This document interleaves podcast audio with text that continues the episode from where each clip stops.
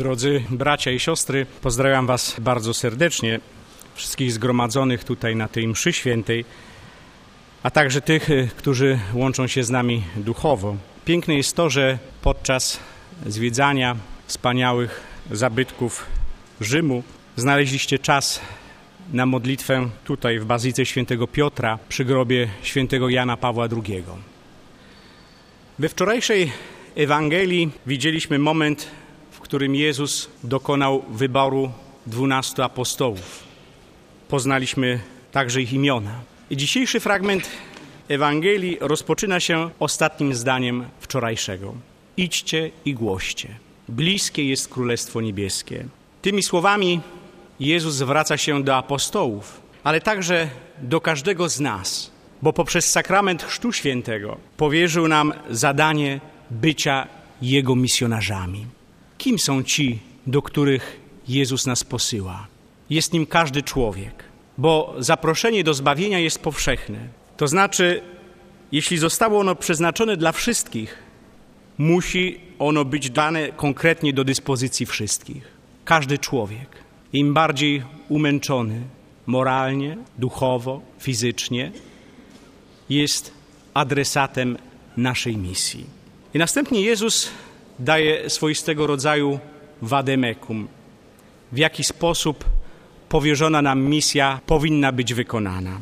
I poprzez szereg pouczeń, które słyszeliśmy w dzisiejszej Ewangelii, ewangelista pragnie nas zaprosić do bezwzględnego zdania się na Pana Boga w tej misji.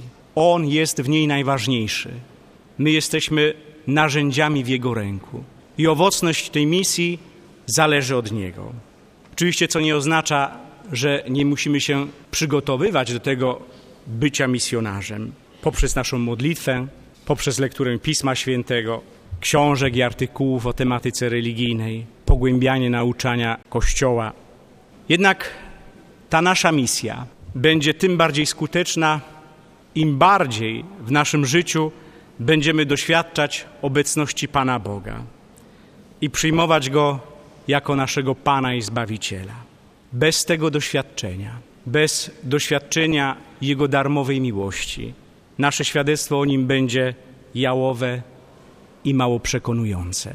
W encyklice Redemptoris Missio o stałej aktualności posłania misyjnego Jan Paweł II napisał Pierwszą formą świadectwa jest samo życie misjonarza, rodziny chrześcijańskiej i kościelnej wspólnoty, które uwidacznia nowy sposób postępowania. Misjonarz, który mimo wszystkich ludzkich ograniczeń i braków żyje w prostocie na wzór Chrystusa, jest znakiem Boga i rzeczywistości transcendentnych. Ale wszyscy w Kościele, starając się naśladować boskiego mistrza, mogą i powinni dawać takie świadectwo, które w wielu wypadkach jest jednym możliwym sposobem bycia misjonarzem. Człowiek, który doświadcza Pana Boga w swoim życiu, świadectwo takiego człowieka będzie pokorne, nie będzie się narzucać, nie będzie potępiać człowieka myślącego inaczej, bo taki człowiek wie, że tylko tak naprawdę Bóg wie, dlaczego ktoś to świadectwo przyjmuje w tym momencie, a nie w innym. Niech ta dzisiejsza Ewangelia będzie dla nas wszystkich zaproszeniem do dziękczynienia za dar Chrztu Świętego, za wszystkie osoby, dzięki którym poznaliśmy w naszym życiu Jezusa Chrystusa i za piękną misję, którą nam Pan Jezus powierza.